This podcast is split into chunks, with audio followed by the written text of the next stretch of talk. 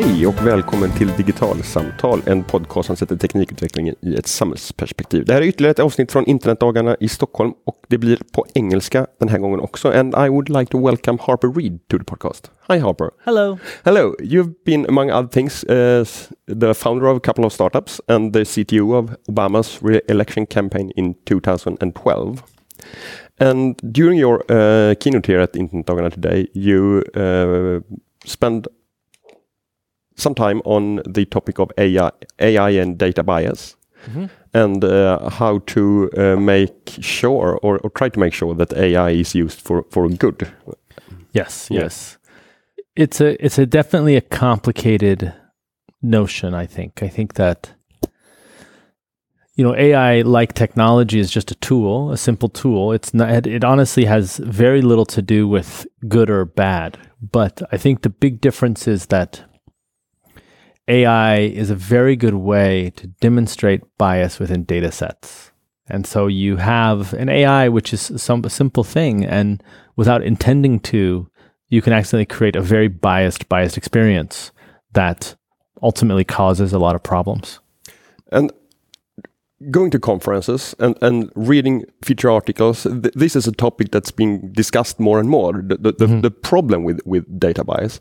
But what I still try to, to grapple to, to find a grip on is who needs to understand what when it comes to these issues. Well any creator or anyone who is working within these fields they really need to understand the bias of their own creations. And so often with an AI, if we made an AI to determine whether a candy had black licorice in it or it did not have black licorice flavor in it, um, I don't think it would be maybe difficult to do. Um, but we would have to make sure that the data set we're using was without bias. And it's very difficult to do so. I mean, it really is hard to do because so much of our data, the bias is in the creators or the bias is in where you get it. Um, and I'm not sure if I have a straightforward answer on how you how you solve that problem, but we see examples of it everywhere. In the U.S. specifically, um, you know, mortgages are very data driven, and oftentimes they'll, you know, the, the software that is deciding whether you get a mortgage might have bias in it that's 50 years old looking at mortgage data because it used to be that they only gave mortgages or they did not give mortgages to black people. And so the mortgage data itself, just because it has this bias that was a real bias that showed up in the data um, because of systematic racism, um, it's now in an AI. One of the last papers that came out from the Obama administration was about pre-justice and and how to make sure that uh, we use AI for good. I, I, I don't remember. Yeah, I don't remember the, either. The, the, the, title of it, but mm -hmm. in it uh, th there was a notion about redlining that was mm -hmm. used in, in the mm -hmm. 30s, uh, mm-hmm. where where banks drew red lines around areas where they didn't want to lend money and yeah. people yeah. living outside. And they in that paper was describing something they called weblining yeah. where you're using data sets uh, to do yes what yeah. you explain now.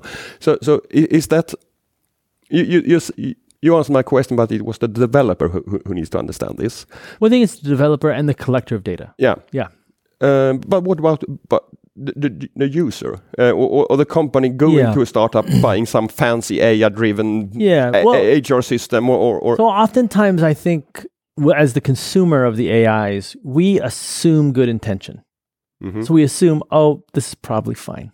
It'll be great. It's going to solve our problem. It's going to be this wonderful education software. It's going to be this thing that'll teach us whatever. Um, and we don't, we don't, I guess, assume there will be bias. So, for instance, you know, one of the slides I put up on the screen was an article where it said that self-driving cars more likely to hit black people. Yeah. Obviously, the people who built that did not intend that to happen. And I think that's where this is really a complicated conversation. It is unintended, which means that it's actually kind of hard sometimes to find. Um, which means that as consumers, we have to be very careful. There is not, as far as I know, a good framework for a consumer or a purchaser to walk through to help determine whether there is bias within the products they're purchasing. Um, and I think that's probably would be something useful, um, especially as as you know, as I once again mentioned in my presentation, this is becoming kind of table stakes for many companies. Like they will build a machine learning infrastructure within the most kind of inane things to make it quicker, make it more efficient, make it cheaper for the end user. Um, but what that means is that there's a chance that there would be aggressive bias within that, and we have to make sure that it's not detrimental. Are, are you seeing any research on how to to uh, surface the, these biases? And, and to yeah, there's a lot of research around this, um, and there's also a lot of research on how do you see what's happening inside of an AI. Yeah. Um, because a lot of times it's a black box, and and I don't know if well, the, the, the, I think the issue is that research is great, but it has to make it into a, something that an end user can use. Because just having a scientific paper doesn't actually mean that the you know middle kind of business um, middle manager who's making a purchasing decision will have the tools to actually make a good decision. Um, but they may end up rolling it out to some kind of organization that actually needs it. And um, this is why I think we're on the cusp. I think we're at a place where these problems are not intractable, but they seem very difficult. And in a few years, I think things will be better, um, but only if we want them to. Here and now, what, what would be a, uh, uh, um, a responsible way to, to think about this? I think having this conversation, yeah. um, making sure that maybe you know, like we we talk about code of conducts. So a lot of conferences have code of conducts. Um, a lot of companies are now having code of conducts. Maybe there should also be a kind of a statement about bias within an employee handbook that says not just bias by employees, unconscious or conscious, but also um, we would like to minimize the bias that we have within our machine aided technologies. Um, and just make a statement, make it part of the culture, make it so that if someone says, "Hey, it looks like this has bias," that that's a bad thing um, that we acknowledge that there's there's a path forward. Uh, when when comparing uh, the the way we with uh, new new startups to the incumbents, you always say that it's harder for the incumbents to to to, to change and adapt to a new new situation. W would that be true in, in, this case as well as those that we are now mm -hmm. seeing is not is the newcomers are actually incumbents yeah. here and, and will have a hard time to to to adapt to a more open thinking to data bias? Well, this is an interesting question because typically to get ahead within an AI business, it's the person who has or the company that has the most data, right? And the people who have the most data are sometimes the incumbents. And so there's a little bit of a, a chicken and the egg kind of thing where maybe they also have the most biased data. Yeah. Um, but they also have the most data. Um, so maybe they're first to market, but with a worse tool. Um, what I think this means, though, is that no one, we're not done. There's opportunities for some companies to still get ahead. Just because a big Google or a big Facebook or what have you um, has a product that's working doesn't mean you couldn't build a better one. Um, there's some places that's probably very hard, like uh, Facebook or Google Translate. I'm sure is very difficult to dethrone because it's very good.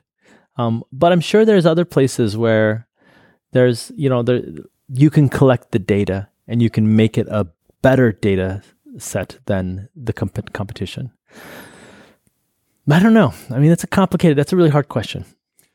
Um, another hard question. Um, one of the other examples you had was about self-driving trucks and how 3.5 million uh, American truck drivers probably will lose their yeah. job in, in, in 10 years or, or, so.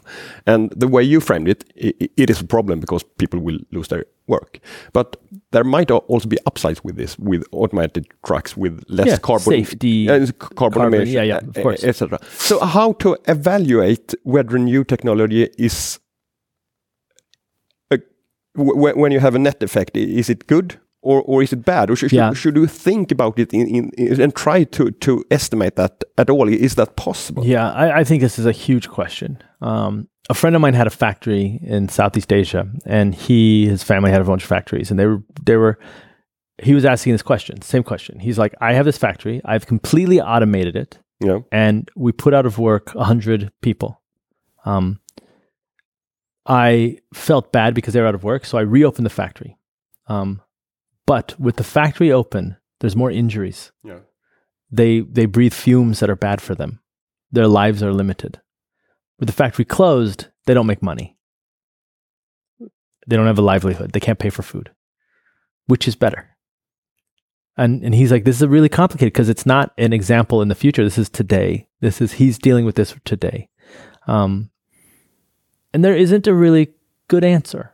Um, you know, one of the things we brainstormed was maybe he can he can find work for them that is that is a different product line that isn't so ex- like expensive for their health or maybe there's a there's something that isn't that's harder to automate that they can work on you know um, but it seems then the, the answer is just kicking the can down the line a little bit to like delay the answer yeah. um, and i think this is probably this is a very realistic scenario that i think many people will run into which is um, you know it's like truck drivers um, they, they they're very safe drivers because they professionals, but they would probably get an accident some. If we if we automate all of that, there's going to be less accidents. There's going to be less more efficient carbon emi- emissions, like etc. Um, but we'll have four million people that are going to be without a job, and that might cause other problems. And so I, I don't know. I think this is also something that will end up fine in the future. Yeah. Right. If we and it's always that thing of like, well, let's just wait 50 years and it'll be fine because um, I think that's the time frame that we're looking at. Is like in 50 years, there won't be truck drivers anymore. There won't be. There will be people who who are that, but it's going to be a hard 50 years. But but do you see any frameworks uh, on thinking about yeah, these issues? I, I don't, and I, I think part of it is that I am more pop. Like when I think about these things, I'm much more on the pop side. There are people who are obviously thinking about these things at big universities, yeah. MIT, Stanford, etc. Mm-hmm. Probably you know here in Sweden as well. Like people really thoughtful about what is the framework to kind of have a discussion around uh, pure optimization or efficiencies within these systems that lead to automation or lead to um, de-skilling. And actually, of of the displacement de-skilling, I think the de-skilling is going to be the harder one because what that means is that you're going to have people who are who are a middle manager who's now pushed down or you're going to have people who are who are individual contributors who are going to be pushed down in their careers. So they're no longer going to be it's no longer going to be accessible to move up the ladder. Um, and that's scarier because that means that um, unless we figure out how to pay those people appropriately, that income is limited, um, and the kind of progression that you continue to make more and more money is limited as well. And so I think that will change things really hard too. From how you how you describe this, it's it's obvious that this is going to be political questions and, and issues that's going to be be, be, be handled. And at the same time, you made a, an ironic uh, comment remark in in your uh, that the the, the ones uh, writing the laws are are white old men who doesn't know anything about technology. Yeah, uh, so you don't you don't seem so optimistic about the the, the well, I think it's the, the the you see this quite a bit, right? You have um, like I'm 41. I got my first computer when I was a child. This was a unique thing. Um, if you think of people who are 31, maybe a computer was around the house. You think people are 21, they've always had a phone, right? Mm. Or they've had it for their most of their life. Think people who are 11, they've always, always had a phone. Like it's always been there. Um, they've always had an iPhone. So I think that if you, it's just a generational thing. People who are 51, they had a computer when they were in their 20s right? So i think that what we're what we're seeing is we're seeing the last throes of the older generation who don't know technology. This too i think will change. But right now it's tough because even the very technical people who are in power are still not the generation who has to deal with the results of their legislation and regulation. And i think that's just a, that's a complicated part about this world is that the people who are making the laws won't have to deal with them. They won't live through the ramifications of them. Maybe immediately in the five years, but like if if Europe were to drastically, drastically regulate data, then data will move somewhere else, and then entrepreneurship, etc., will be limited here in Europe. Um, and and the people in power aren't. That's not going to affect them. It's going to affect the young people. But I think there's a balance. I actually think there's a way to solve this problem, and I think it's about letting in different voices into the room of power, making sure that young people, people from vulnerable communities, people who are um, who are typically not allowed to talk, make sure they're talking, make sure they have a place, a seat at the table, um, be able to have these conversations. What what kind of insights do you think that the, these groups could could bring to the discussion that's missing today? Well, I think first of it is is is the first one is just being digitally native. The second one is a lot of times the voices, you know, the canary in the coal mine, so to speak, are these voices from these vulnerable communities. you know refugee communities, people of color, etc. They're the ones that kind of see how the bad things are coming, Mhm. and they want the world to be better as well. But the digital natives, Yeah. I, I, can, I can see on my kids, uh, 14 Yeah. and 11, they, Yeah. they are great at using technology. Yeah. But they and their uh, uh, pals don't always understand and, and realize what's happened behind the curtain. So, so, Yeah, but they're but they're kids. yeah, of course. I mean, if you if you look at someone who's 24, Yeah. they probably have a very similar digital nativeness, but I think they're they they're a little more mature on understanding the motivations as well as the kind of ramifications of that. Yeah, okay. Um, and I do think that the we have to be careful as adults that we don't just say we don't act like it's rock and roll, where it's just like turn down your music. Your music is too loud. Because I think sometimes that's what it is. Like there is a thing that happens where us as older people look at these younger people and say, "Well, you should get your face out of your phone. Like look at the real world." And it's like that's not that's not much different than TV was or radio was or newspapers were. Um, I think every generation has that thing. Um, I think the difference is is that we don't identify with them. That it's a paradigm shift. That it's that's incommensurable. That we literally don't identify with their motivations, and that makes it very hard to communicate. And, and what, what is the consequence of, of that?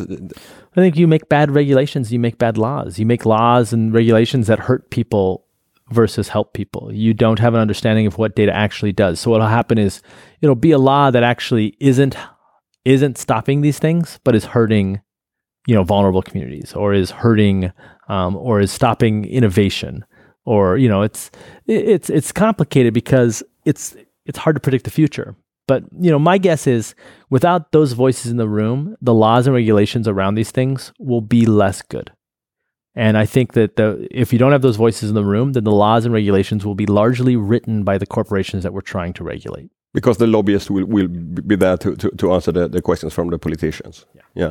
Um, do, do you think, is it regulations around data and data collection and data storage and data sales and, and, and or, or is it the use or, or, or, I, or I mean, I, I don't know. Um, I think it's probably all of the above. yeah Um, I think we also have to be careful as well that we don't accidentally make it harder to be safe in the future.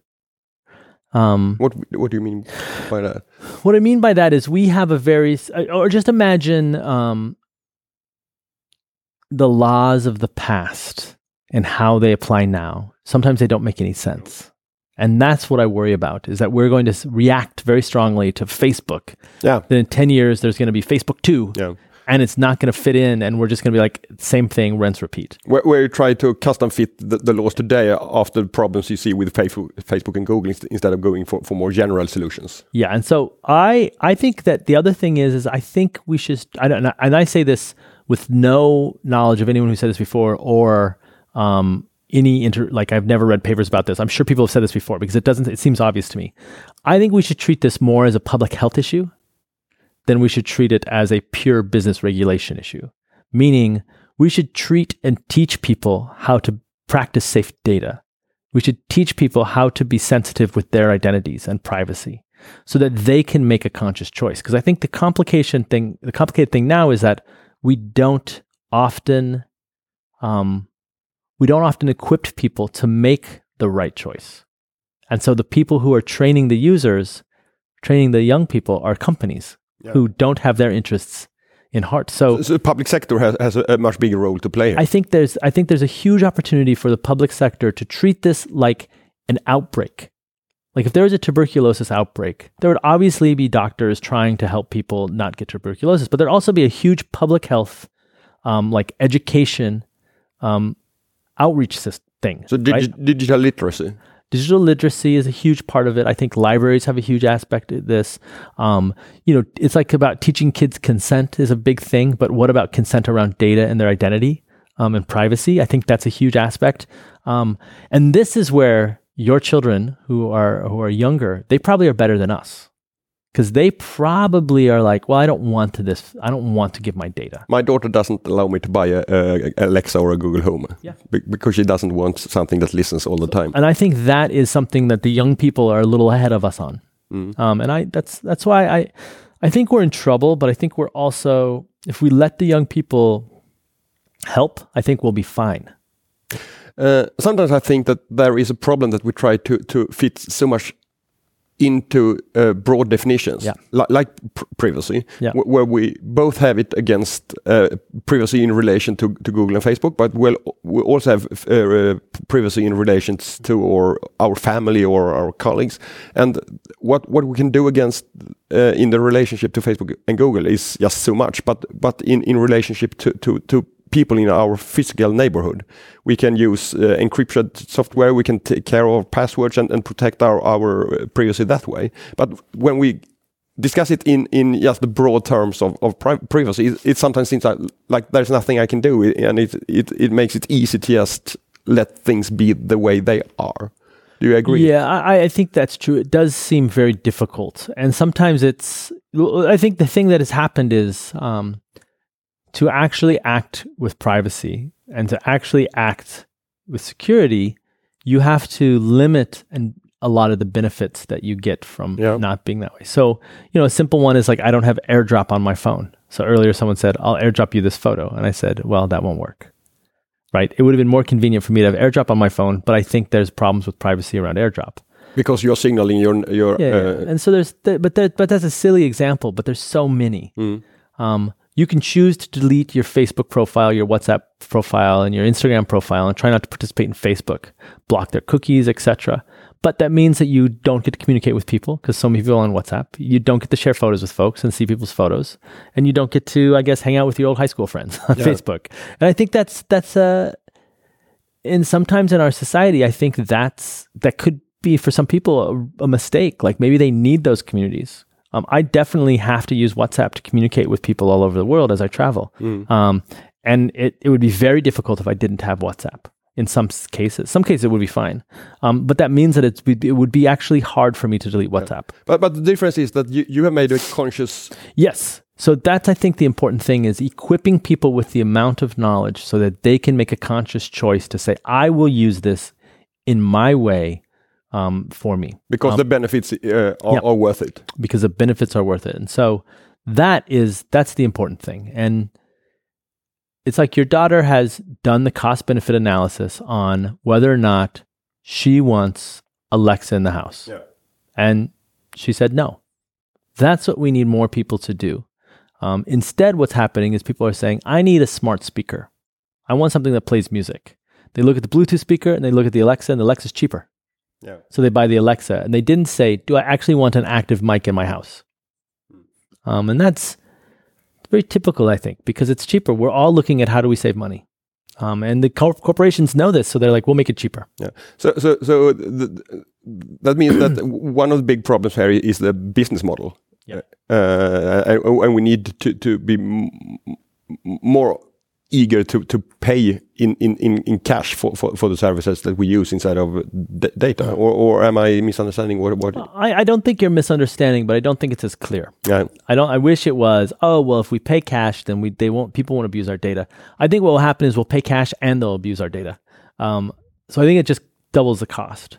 I think instead, what we what what needs to happen is um, the ad-based business model. I think is probably the root of many of these problems. Where when people are in business of ads, they're no longer in business of creating necessarily a good product for you. They're in business of creating a product for you to engage with more ads, um, which means that they want to, you know, as Tristan Harris says, hijack your brain and get you to click on more ha- ads, and that's that's hard to disrupt.